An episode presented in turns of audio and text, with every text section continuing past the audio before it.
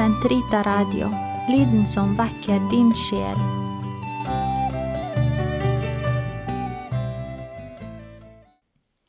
Den katolske kirkes katekisme, uke 11, tirsdag, paragraf 185 til 192.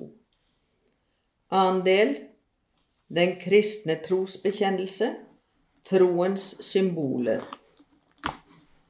Den som sier 'jeg tror', sier samtidig 'jeg gir min tilslutning til det vi tror'. Fellesskap i tro krever et felles trosspråk som er normativt for alle, og som forener alle i én felles bekjennelse av troen. Helt fra begynnelsen av uttrykte og ga den apostoliske kirke videre sin egen tro i knappe formuleringer som var normative for alle. Men allerede på et tidlig stadium ønsket Kirken å sammenfatte det vesentlige i troen i vel oppbygde og gjennomtenkte formuleringer, særlig med tanke på dåpskandidatene. Denne sammenfatning av troen er ikke uttenkt av mennesker, men alt det viktigste i Skriften er blitt samlet for å gi en fullstendig og enhetlig undervisning i troen.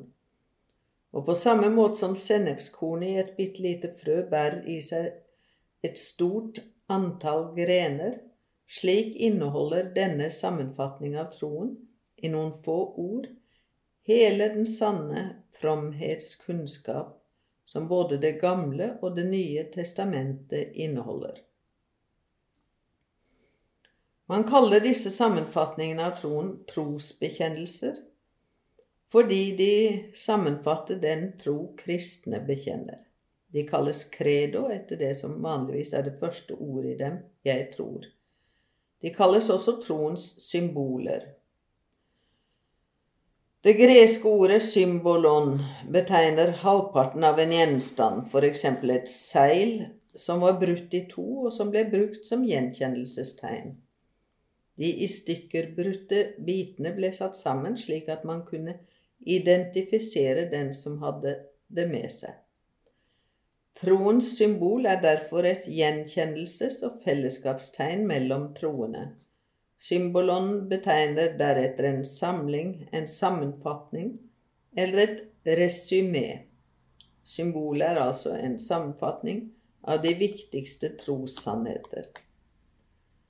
Derfor er det det første og grunnleggende utgangspunkt for undervisning i troen.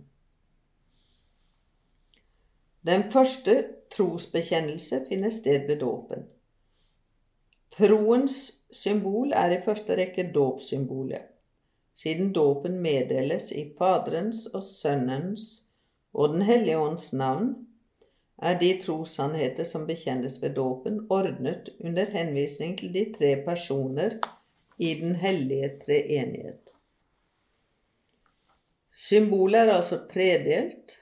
Først tales det om den første guddommelige person, og det vidunderlige skaperverk.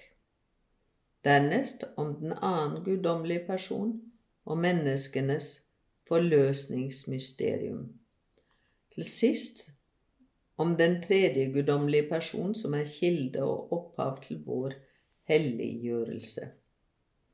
Dette er de tre kapitler av vårt seil. Disse tre deler er forskjellige og samtidig knyttet sammen.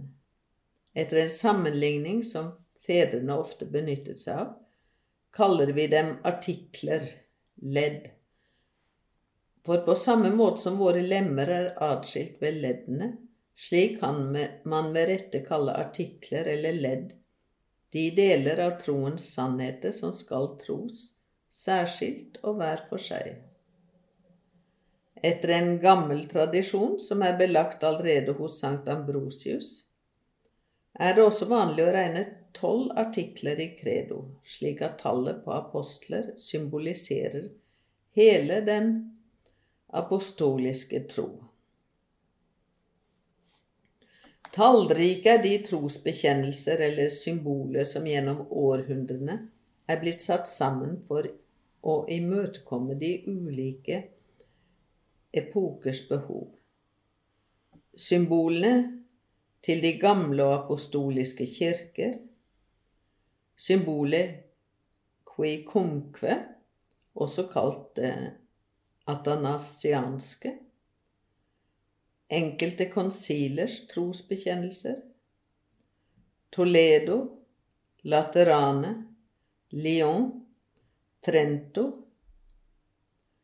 eller også visse pavers, slik som Fides Damasi eller Gudsfolkets credo av Paul 6. fra 1968.